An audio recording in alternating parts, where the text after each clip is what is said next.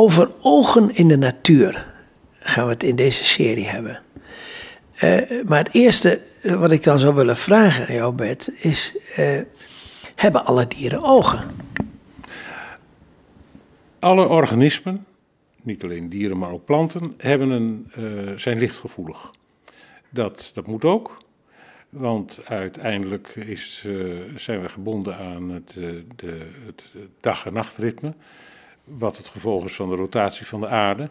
En uh, daar, ieder systeem moet daar zijn, zijn levensfuncties op aanpassen. En van de zon groeien. En van de zon groeien. De zon is natuurlijk de belangrijkste, of onze enige energieleverancier. Maar je beantwoordt de vraag dus eigenlijk met nee. Want niet alle uh, uh, dieren hebben dan ogen.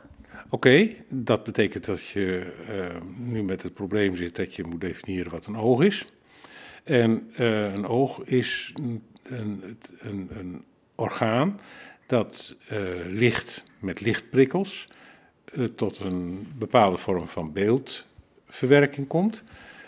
Zodanig dat we daar een, in onze biocomputer een, een, waarneming mee kunnen creëren. Maar is het nou zo dat een, een, een oog is in ieder geval een orgaan die via foto's eigenlijk, een soort foto's maakt en dat in de hersens verwerkt? In ons geval is, is dat zo. Je hebt als je. Uh, bij, bij primitievere dieren kan dat uh, op een hele andere manier uh, gaan. Maar in ons geval is het zo dat uh,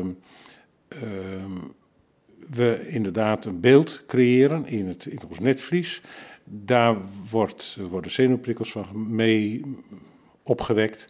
En die veroorzaken waarneming in ons visuele brein.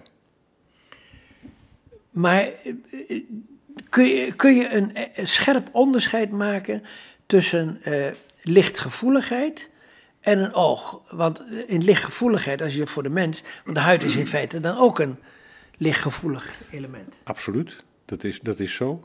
Uh, je neemt er zelfs mee waar. Hè? Het, je, je huid wordt warm als je in de zon bent, je verbrandt. Nou, dat is, gaat niet ongemerkt aan je voorbij. Maar dan wordt het steeds moeilijker om een definitie te geven van oog. Ja, we maken het, we maken het steeds lastiger. ja, dat, maar dat is helemaal niet erg. Dat de, de, het, wat het oog bijzonder maakt, het is dat je er een specifieke waarneming van maakt. Je, je, het, je gebruikt lichtprikkels om je omgeving um, waar te nemen. Dat doe je natuurlijk met andere zintuigen ook. Maar een van de manieren waarop je dat kunt doen is met lichtprikkels. En dan heb je met een oog te maken. Als je in de, de, de evolutie kijkt, dan zie je dat uh, ja, er natuurlijk hele primitieve celgroepjes in kleine diertjes zijn. Waarvan je moet afvragen: is dat al een oog? Of wat is dat eigenlijk? Is dat alleen maar een plekje in zo'n beestje? Is een organisme wat alleen maar kan zien of het licht aan of uit is. En mag je dat dan al een oog noemen? Het is natuurlijk een glijdende schaal. Hè? Op een goed moment zeggen we, ja, ja, nee, nou, kijk, nou zijn we zo ver in die ontwikkeling. Nou, nou begint het op ons idee van een oog te lijken. Hè? Dus de definitie blijft natuurlijk wat moeizaam. Dus we beginnen al met wat we niet weten. Ja, daar komt het op neer. Maar ik denk dat dat een hele belangrijke conclusie is. Hè? ja. Dat is wetenschappelijk. Ja, ja. Um, maar goed, het is, het, als je naar uh, hele primitieve beesten kijkt, dan zie je dat daar. Uh, dus een eencellige, die heeft al plekjes in zijn systeem zitten die specifiek lichtgevoelig zijn, die meestal ook wat gepigmenteerd zijn.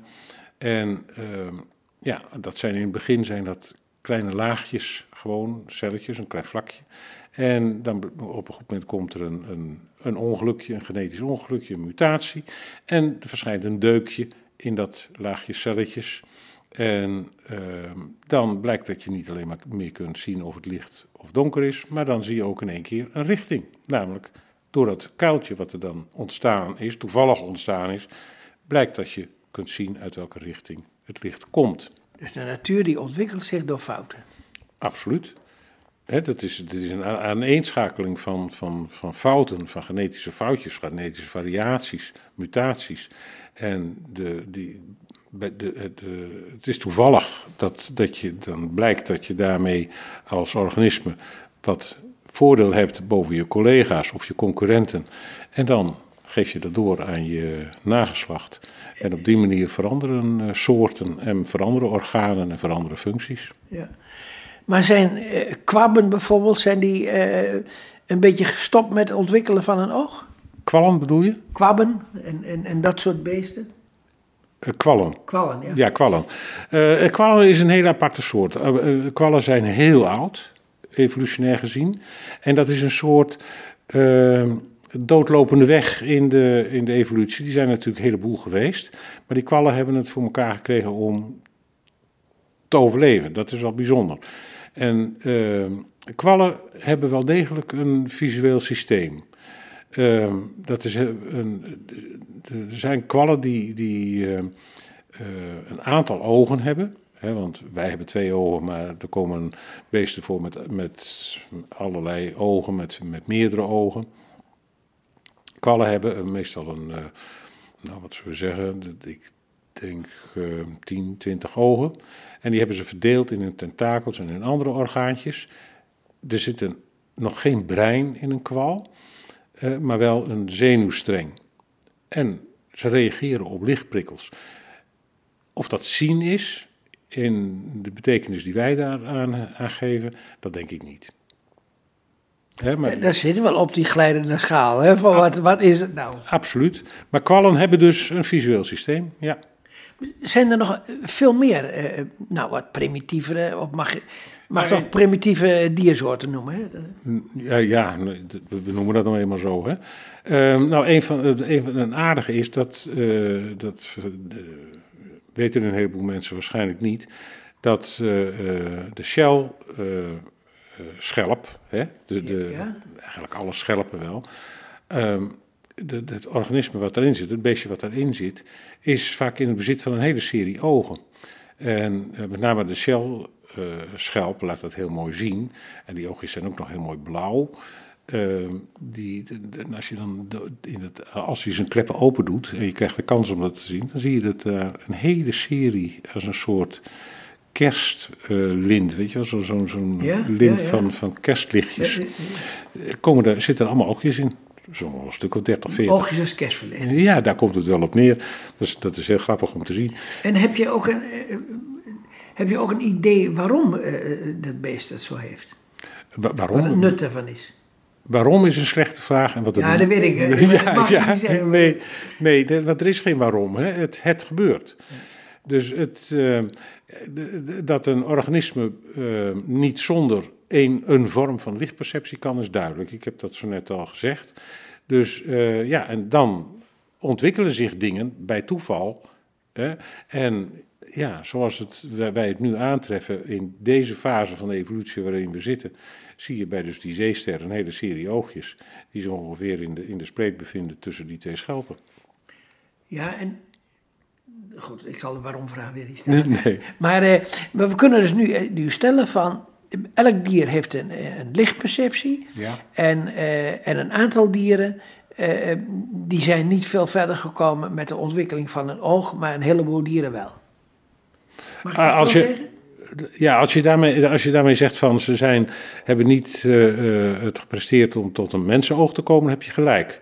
Ehm, dat impliceert een beetje dat wij ervan uitgaan dat wij het optimale oog hebben. Nou, dat is dus niet zo. Um, als je kijkt naar de complexiteit van ons oog, dan is het lang niet het meest complexe oog wat in de natuur voorkomt. Um, maar daar komen we in de serie vast nog wel uh, te sprake. Over vogels die van 400, kilo, 400 meter hoogte kunnen zien. Nou, zo, ik denk dat, dat waarschijnlijk het meest complexe oog. Eh, de, de, ik dus misschien dat iemand uh, uh, nog een complexer oog kent dan dit, maar niet in de lucht zit, maar in zee. Oh? Ja, dat is het oog van een, het is uh, van de, van een mantuskreeft. Die, die komt hier niet voor, maar zo nu en dan zie je hem wel eens in aquaria met hele dikke glazen. Dat is een heel bijzonder beest. Dat is een ongelooflijk succesvolle, felle rover die uh, uh, uitgerust is met een, met een soort hevels, een soort hamers. En daar kan hij zo ongelooflijk veel kracht in zetten dat die uh, een uh, snelheid van een kogel, van een pistoolkogel, uh, evenaart. En daarmee slaat hij dus, verdooft hij zijn, zijn, zijn buit. Ja, als je zo'n beest in een, in een aquarium zet, dan slaat hij, slaat hij, de, het glas kapot. Slaat hij het glas kapot, ja. Um, en verder, uh, als je een onervaren duiker bent in deze warme wateren waarin dat beest verkeert, en je denkt van, ach, dat is een leuke kreeft, laat ik die eens pakken, dan heb je een dikke kans dat je een vinger moet inleveren door, het, uh, door deze ongelooflijke klappen die dat beest kan uitdelen. Hij is uh, zo'n 30 centimeter groot, groter wordt hij niet. En het is dus een, maar een ongelooflijk sterk beest. Nou, wat ook heel bijzonder is, dat die beesten hebben ogen waarin zo ongeveer alles zit wat je voor kunt stellen, wat, uh, wat je kunt gebruiken bij de verwerking van lichtprikkels. Uh, daar uh, zit dus een hoog oplossend vermogen in, ze hebben een hoog contrastvermogen. Ze kunnen met één oog ehm, zien twee ogen zien zoals wij dat doen. Dus ze, krijgen, kunnen stereo zien met één oog. Okay. Um, ze kunnen, ultra... ze kunnen 3D zien dus. Ja, ze kunnen 3D zien. Ze kunnen um, uh, ultraviolet zien. Uh, en um, dat zit allemaal in, in dat ene oog. Ja, maar hebben die, hebben die ook zo'n vorm met, met een macula, zoals wij nee, het, het, lijkt er absoluut niet op. Het, het, het lijkt meer op dat wat jij in je hand hebt. Het is gewoon een bolletje op een steel. En in dat bolletje, daar zit, uh, zit alles in wat, uh, wat ik net beschreef. Maar eh, kun je dat dan ook beschrijven in, in, in staafjes en kegeltjes? Ja, ja de, de, de, de, fotoreceptoren die er daarin zitten zijn vergelijkbaar met, met de receptoren die, die... Ja, dat is wel grappig. Die zijn bij de meeste soorten zijn die wel vergelijkbaar. Ja, want je hebt mij wel eens verteld dat, uh, dat als de mens uh, de, de, kwaliteit van de macula over het hele netvlies zou hebben, dat je dan tien keer zo'n grote hersens moet hebben. Ja. En dan vraag ik me af, heeft dat beest dan nog zo'n grote hersens? Uh, nee, dat heeft hij niet. Maar je moet bedenken dat uh, wat, wat, dat, wat, je, wat je nu noemt, dat is een, een, een, een, een metafoor om te laten zien hoeveel rekencapaciteit je nodig hebt om zo'n maculaire functie te kunnen hebben. Ja. Uh, maar je kunt een deel van die rekencapaciteit, hoeft niet met alle geweld in je hoofd te zitten. Je kunt ook een deel in het oog zelf, eh, in het oog zelf stoppen.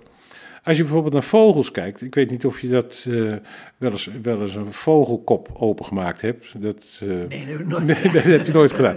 Maar dan blijkt dat die vogels, dat, die hebben enorme ogen. Je ziet aan de buitenkant, zie je meestal, bij de meeste vogels, als het niet geen uilen... Zo'n bolletje dan, dan, dan, zie je dus een klein kraaltje. Ja. En dat lijken kleine oogjes, maar in die kop zitten enorme ogen. Zo groot dat, die, uh, dat ze vrijwel tegen elkaar liggen. Uh, vogels kunnen hun ogen ook niet bewegen, want er is gewoon geen ruimte voor spieren. En uh, je zou zeggen van nou, die kop zit ook te weinig ruimte om nog wat bruikbare hersens op te, uh, in te uh, hebben. Maar goed, die ogen zijn zo geavanceerd, hè, want vogels zijn natuurlijk uiteindelijk de echte toppers van de landdieren die, wat het zien betreft. En die moeten toch voldoende rekencapaciteit hebben. Dat zit in een soort dependance hersentjes in het oog zelf. Dus het, een deel van, de, van dat wat wij in ons hoofd doen, met de visuele prikkels die we binnenkrijgen, doen die, doen die uh, uh, vogels al in het oog zelf. Dus het, uh, dan, ja, dan, dan kun je op die manier kun je toch nog tot grote prestaties komen. Overigens is ook bij de mensen wordt natuurlijk een deel van, maar dat is veel kleiner dat deel, van de prikkelverwerking wordt al in het oog zelf gedaan. We hebben zo wel een hele, hele schets gemaakt over uh, wat voor. Uh, ja, het, hele palet aan, aan ogen hebben we nu een heel kort verband eventjes aangegeven. Maar uh, zou je nog eerst even wat iets willen zeggen in, in de resterende minuten? iets over de, de hele prim, primitieve organen de, van dus beesten die dus alleen maar een lichtgevoeligheid hebben. Ja, nou ja, ik heb dat zo net ook al verteld. Dus bij, bij eencelligen zie je dus vaak al kleine eh, lichtgevoelige celdeeltjes. receptoren of zo. Ja, ja, ja, het, het, eh, nou ja hoe, hoe, ze dat doen, dat, dat, uh, is, uh, dat varieert natuurlijk. Maar je ziet eigenlijk bij alle beesten wel iets wat je, nou laten we het zo zeggen, wat je zou kunnen doen denken aan een, een oog. Iets oogachtigs. En ehm, er zijn, ehm, ja, ook, ook bij kleine dieren, ehm, zie je eigenlijk al vrij snel dat zich ook ogen, ontwikkelen, die uh, al wat meer in onze richting gaan, zal ik maar zeggen. En, maar goed, er is dus niet één weg die naar Rome leidt uh, in de ontwikkeling van een visueel systeem. Je kunt zo'n 40 ogen types. Goed, goed, dan gaan we een aantal van die 40 wegen gaan we bewandelen in, in de volgende aflevering.